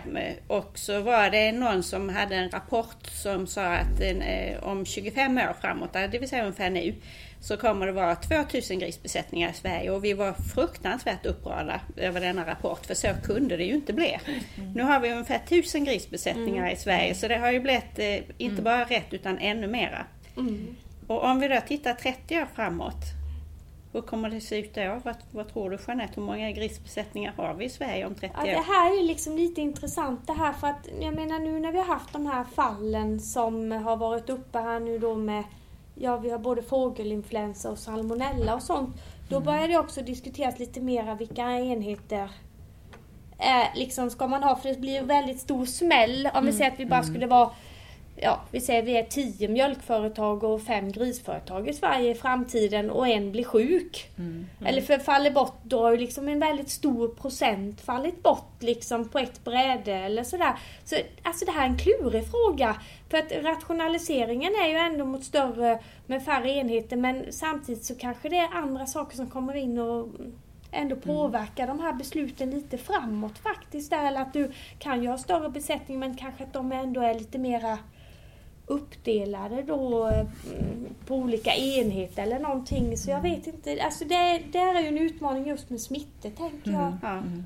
Jag tänker ju kanske i och för sig att, att det kan, kommer inte vara så många besättningar men de kommer att vara som du säger uppdelade. Man kommer ju inte ha mm. fem gigantbesättningar på fem platser i Sverige. Mm. Utan det kanske, det kanske är fem, fem grisproducenter. Fem, fem, fem, fem, fem som äger och sen så har man då precis som i USA någon sorts eh, eh, sajt, alltså ja. att man har suggorna på ett ställe och så har man ett gäng tillväxtställen och så har man ett gäng slaktgris. Så blir det inte mycket tråkigare på den där grisstäm, grisföretagarnas stämma och det om ni bara är fem då? Ja, det är precis, då kan vi vara hemma i någon vardagsrum. ja, liksom. det... Fast det är klart, det kan, vi har ganska många medarbetare. Ja, det blir ju mer det då, mm. tänker jag. Mm. Som, eh, så om alla får ja. vara med där så är det klart att det blir... Det kan klara sig också. Och sen kanske någon liksom foderbranschen och alla andra lite runt omkring som vill komma också. Så ja. kanske blir lite, ja, vi kanske fyller en bygdegård. Ja det kan jag. Fyller en bygdegård ja. är nog lagom kanske. Och lite dans kan det ja, precis.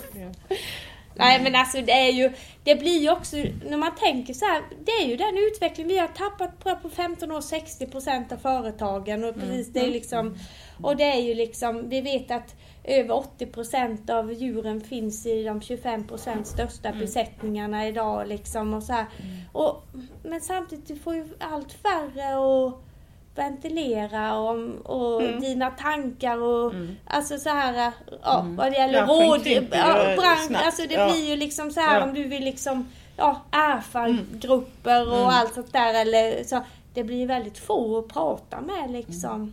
Det är nog en skillnad man sett. För, nej, och jag kan säga motsvarande när jag gick på när jag gjorde det på 1900-talet. Det är lite coolt också. Men då i alla fall när jag slutade där på 2000-talet. Då, då var det, i tidningen Husdjur så är det vi mjölkproducenter. Just mm. nu finns det i Sverige så här och så här många. Mm. Och då sa vi att det kommer aldrig gå under 10 000. Nej. Det är omöjligt. Ja. och det har ju, det gick ju ja. rätt så fort. Och nu är det ju bara ett par tusen kan man säga. Eh, det trodde vi ju inte då. Eh, men där är väl också det egentligen att det är fortfarande så många familjeföretag. Jag vet inte vad du mm. tänker om det Ingrid. Men kommer din son vilja ha 25 anställda och gå ihop i ett eh, multinationellt konsortium? Och, eller jag har liksom... ingen aning hur han Nej. tänker faktiskt. För det är lite ofta Kör inte med telepati nej, han och jag. Det. Har vi du bestämmer inte helt över honom heller. Nej, nej, oh, nej, nej. Och, och, det är bra. Mm. Eh, nej, det... För det har kanske varit så att det har hållit ut längre i mjölkbranschen att vara mm. familjeföretag. Mm. För det, det, har ju gått så fort i grisbranschen att mm. bli mm. så stora företag, tänker jag. Mm. Att, för det finns väl inte 30 suggårdsbesättningar längre? Finns det ens? Nej, alltså, ja, det är klart då de finns väl, men, de, ja, ja, men de är nog väldigt få. Ja. Liksom. Men jag tänker att då är de krav, ja, de som har 30, ja, 50. Någonting, de är ju inte en vanlig Eller, alltså, Nej, de är inte konventionella. Nej. Medan i, i med mjölkkor så kan du ha 20-25 kor fortfarande. Ja. Men det börjar ju bli, det måste ju vara kämpigt för dem för Ja. att de har stoppavgifter och Mm. kontroller och, och allt det där Mm. som de ska slå ut på vad 20 eller 30 kor mjölkar. Ja, Så- och sen när det minskar, det har jag inte tänkt på egentligen, men när det minskar så blir det också dyrt att gå igång. Jag träffade faktiskt en igår som skulle starta upp mjölkproduktion. Mm. Trodde, vi sa inte att han var galen utan sa det var roligt. Och då, det är väldigt dyrt att starta. För det är inte så att man ringer till Arla och ber dem hämta utan det är en rejäl avgift till exempel. Och, och starta igång. Och det är väl så att om jag får jättelust att ha grisar imorgon så är det inte säkert att, att, att slakteriet säger kul, när kan du börja? Utan att det trösklar in. Så det som har försvunnit är ju lite grann svårt att starta upp. Utan det är ju de befintliga som ska öka. Och det är väl... Och det är ju idag, det är ju, där har du ett annat problem. Det är inte så lätt att starta upp för att du, om du ska starta upp idag och vara någonting att räkna med, ja då kanske det är en investering på 40 miljoner. Och då måste du också ha en bank som tror på det och, och där har vi också problemet, tror inte politikerna på Nej. dig så tror inte bankerna på dig.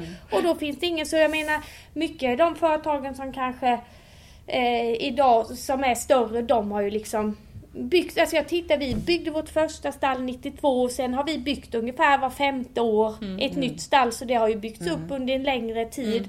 Och så tror jag att i och med att vi inte har så mycket nyinvestering ja, i, i, i stallar i Sverige, då, alltså det sker ju en del men såklart men det, och det är ju liksom att det är svårt att få, alltså jag menar att få kanske lån och sånt Mm. och få banken att tro på dig och jag vet inte hur det är på mjölksidan men Det är alltså likadant. Mm. Ja och där har vi ju en utmaning så då är det ju inte så lätt att starta upp Nej. om inte du har stora värden du kan gå in med för att säkra upp dig från liksom. Nej. Men det låter i alla fall på, från den diskussionen innan som att ni tror att det kommer finnas svensk mjölkproduktion och svensk grisproduktion. Absolut, det På är något jag sätt helt med- övertygad Ja, det om. tror jag också. Ja. Men inte nödvändigtvis i en, en grisbesättning och en kobesättning som täcker... Nej. Varför inte? Och sen är det ju liksom så här, man måste ju hitta system liksom så här att eh, yngre kan komma in och man kanske kan hitta andra sätt. För jag menar, det Mm. kommer ju lite olika lösningar man hittar och sådär nu. Och det är ju, jag menar, de unga är ju våran tillväxt och de måste ju ges möjlighet att faktiskt Du tänker som generationsskiften? Ja, är jag att de menar det är ju inte alla som har kan- som, nej. alltså nu tar eran son, men alltså, det finns ju också många fina gårdar som kanske inte har Ja, en generation som vill ta över. Mm. Som skulle vara ett, alltså det är fantastiska produktionsanläggningar faktiskt som Mm. någon annan med stort intresse skulle kunna driva. Och Mm. hur får vi dem att de kan få möjligheten att gå- för många kanske också vill att Mm. sin gård ska drivas vidare med någon annan. Så det, jag menar, man, det börjar ju komma Mm. lite mer och där måste du kanske det får inte vara för svårt och klurigt liksom. Att komma in. Nej. Nej, vi har ändå Nej. fyra barn och det är ett som är intresserat av lantbruk. De andra tre liksom, Nej. tar bort det. Ja, Eller ja, de är ju intresserade av lantbruk nu men på distans. ja. De Mm. Det- är inte beredda att gå Nej, in och jobba där. En är i Kanada och en är i Australien. Ja, Så det, ja, det är lite långt pendlingsavstånd. Eh, Nej, det, det tror jag det är ett jätte... För just när det här när företagen blir större så blir det så svårt att fortsätta eller ta över. ja. Mm. Och, och att det är svårt. Och sen har vi traditionellt det här att det är släktgårdar. Mm. Ja, den här gården har gått eh, fyra generationer i släkten. Våran är inte en sån än. Det behöver bara gå en generation till. Men, men det är, och då, då är det liksom lättare att släppa Ja. det än om det, det här var ju faktiskt eh, 1712 köpte Ja. de det här och så ska Ja. det fortsätta. Mm. Det är ju en hämsko, för det fattar jag som i Danmark där är det mycket mer att man flyttar till Ja, en... nej, de är Ja. liksom flyttar lite hit och dit. Ja. De har en annan. och De det- ser mer det som en affärsverksamhet. Ja. Ja. Mm. Mm. Och det gör även samhället Ja. och, det, Mm. och banken. Mm. Och, ja. Och banken, ja. Jag tänker nästan att vi ska börja runda av det här. Ja. Eh, och då så tänker jag som sista sån här lite eh, att om man tittar tillbaka istället. Nu har vi tittat framåt 30 år, men om vi tittar tillbaka på oss själva som 20-åringar. Eh, är det någonting som vi tänkte då som vi är förvånade över hur det ser ut nu? Eller nu tänker ju inte du i livet sådär. Nej, utan, utan- med just lantbruk. Ja, är inte det vi pratar Jo, jag om? tänkte om det blev en livsstilspodd, men jag tyckte det var en bra fråga. Ja. Eller ska det bli en cliffhanger till nästa Ja, Nej, jag tänkte i lantbruket om Ja. det var någonting. Och jag, jag har ju redan sagt vad jag inte, nu var jag kanske inte 20 år när jag trodde så, men, men eh, utan eh, Att det blev så få kvar. Att det blev så få som vi, alltså när han presenterade den här undersökningen, jag minns väldigt väl hur arga vi var, så att nej, 2000, nej det tror vi inte på. Eh, I mitt område hade jag 500 grisbesättningar när jag körde som, som eh, distriktsveterinär. Så jag hade ju svårt att tänka mig att det skulle bli 2000 i hela Sverige. Eh, Men det har det ju blivit. Är det, men om ni tittar tillbaka där när ni är 20 eller 25, 30. Jag ger Jeanette lite tid att tänka då och säger väl att jag måste nog säga att när jag kom ut som rådgivare så var det väldigt mycket uppbundna gårdar fortfarande. Det är det ju, i, Småland så finns ju de kvar till stor del. Och det jag förvånas över är att de är kvar. Att inte lönsamheten har gett möjlighet till att eh, göra, alltså, att, alltså lönsamheten i att köra på rost och röta och till det man har, har varit nödvändig för att hålla mjölkproduktionen under armarna. Så att det fortfarande finns kvar. Jag trodde faktiskt att det var något som bara skulle vara en mycket, mycket kort del. Ja. Och det kan ju en annan diskussion om hela det här med uppbundna och så, men just att man faktiskt har kört på i 20 år med helt ja, stallar som var eh, ja, färdiginvesterade för länge sedan så att säga. När det Ja. skulle varit betalda. Ingrid, vad tror du? Eller vad Jag kommer du? inte ihåg vad jag tänkte. Jag är så gammal så jag kommer inte ihåg vad jag tänkte när jag var 20. Eh, Jag gick ju på lantbruksskola då, när jag var 20. Då hade jag fullt sjå att titta på killar. Tror jag. Så inte. Nej. Du bara, vilken, vilken ska jag ha om 30 år? Du är så Nej, jag, jag såg inte så långt framför mig. Ja. Minns du något då Jeanette? Nej, Ja, jag tänkte- då när jag, 90 då var jag ute och reste jorden runt. Ja, det byggde det här första stallet. Ja, det var 92. Ja, men när du gjorde det tänkte du liksom så här, det här kommer bli... Hade du, om du hade sett det som ni har idag, hade du Ja. tänkt att va? Eller var du liksom inne på den banan att ungefär hur det skulle kunna bli? Nej men alltså om man säger det har ju utvecklats till mycket mer lättskötta. Det system, den boxen har vi fortfarande kvar idag och den är ju ganska tungskrapad. Eh, Men det som är lite intressant är ju att stallarna man byggde då, de är fortfarande, ja vi har bytt faktiskt eh, utgödsling och eh, vatten. Eh, Annars är stallet helt intakt. Utan egentligen några större fel på, förutom att det är ganska tung. Ja alltså det ligger ju i planen nu Ja. och göra i ordning det inom inte allt för lång framtid. Men om man tänker att det har ju ändå, grisningsboxen, den har utvecklats till att bli mycket mera bättre funktion på, mer lättskött. Lite mera eh, spaltyta i det eller dränerat golv som gör att det blir torrare och renare och gör att, eh, att det kanske också håller djuren friska. För jag menar, jag tänker som från början vi hade den här farfarsboxen. Och sen la man ju på något eh, dränerat golv i botten. Alltså bara då fick man ju höj upp eh, liksom eh, djurhälsan. Och där, så att idag, eh, ja det har ju ändå, för jag tänker att många som byggde samtidigt som oss, de kanske byggde lite mera dränerat golv i boxarna. Och, men jag var väl sådär att jag ville ha mycket där yta och halm och det får jag bita i idag. Och jag är så, alltså jag jobbar ju jättemycket med kring grisning och sånt. Vi har ju strategisk halmning så jag har otroliga. Men det är ju under en specifik period när det är det här med bobyggnadsbeteende och gri- de kan grisa på natten utan att bli kalla. Alltså jag vet att jag behöver inte vara orolig. Men s- det är ju inte så att de behöver ha den mängden hela tiden. Då blir det ett väldigt stort och hårt arbete att sköta det. Men just att man kan ju gå in med det stötvis i vissa perioder när man har ett mervärde av det. Liksom. Så ja, det har utvecklats mot mer lättskötta system. Förutom i slaktsvinsproduktionen. För där är ju boxen ungefär likadan som den har varit sedan 50-talet. Så vi behöver en utveckling. Grisningsboxen har utvecklats men inte slaktsvinsboxen. Nej, jag var ju 20 år långt före dig märker. Ja. Konstigt. Men då, jobbade, då gick jag på Sala lantbruksskola. Då hade de precis byggt nytt grisstall. Ja. Och det var ingen rolig historia, för då tänkte jag, jag ska aldrig jobba med dessa djur. Nej, men de hade sin suggavdelning, så jag kan inte tänka mig att det finns någon som har det längre. Och de satt, alltså det var inte bra. Nej. Det var inte bra, det var vidrigt kan jag säga. Medan däremot kostallet som var byggt var någon sån innovation. Någon hade varit i USA, ett Ja. kallt, öppet eh, lösdrift som blåste över hela Salaslätten rätt in i. Det var ju djupsängar och allt det där. Och, och ett helt annat system än det som man hade de flesta. För då fanns det kanske tre lösdrifter i hela Västmanland. Och det var den första tror jag. kan ha finnas, funnits flera. Medan Grisstallet var ju före farfarsboxen. Mm.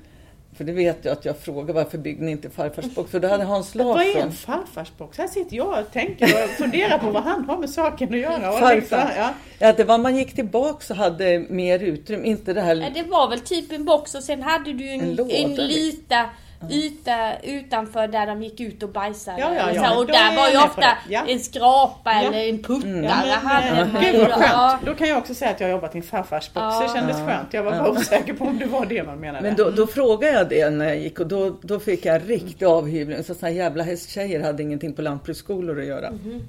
För att jag då tyckte var bakåtsträvare för det här var ju ingenjörskonst i dess bing. Och det var inte djurvänligt det man byggde då. För den var väl projekterad. Nej men det byggdes ju 77, 78. Mm. Och Det- skulle vara som bästa, modernaste. Men det var ju för grov betong. Allting var dåligt. Ja. Och då var, Där. alla, då var suggorna fixerade och Ja, alltihopa. och de såg Ja. inte snygga ut. Men jag tänker liksom det här som Så du säger. du kom ju till nästa steg Ja. som var, man, för den kom ju in då den här, när de började kalla den för farfars box. Men jag bara tänker Mm. lite så här som du säger då och få det med muta. För jag själv är också stadsunge. Mm. Och gick, var ju, följde ju med en kompis då till eh, Segersta. Mm. Eh, och hon skulle dit på öppet hus och jag bara, alltså du vet man hade ju sökt alla vanliga linjer, man visste ju inte var man ville gå men okej, Mm. nå- något blir Men så åkte vi dit på öppet hus och jag bara, man är ju hästtjej och jag är Mm. glad att inte man kunde välja det. Och jag bara, men gud det är ju här jag ska gå. Alltså jag Mm. bara kände Gud, det är ju liksom, jag hade bara landat rätt och kom dit och alltså det är ju de bästa eh, åren i mitt liv. Mm. Och jag bara funderar på vad hade man gjort om man inte hade hamnat där? Mm. För, ja, man, och då hade vi ju en sån duktig förman Mm. i grishuset.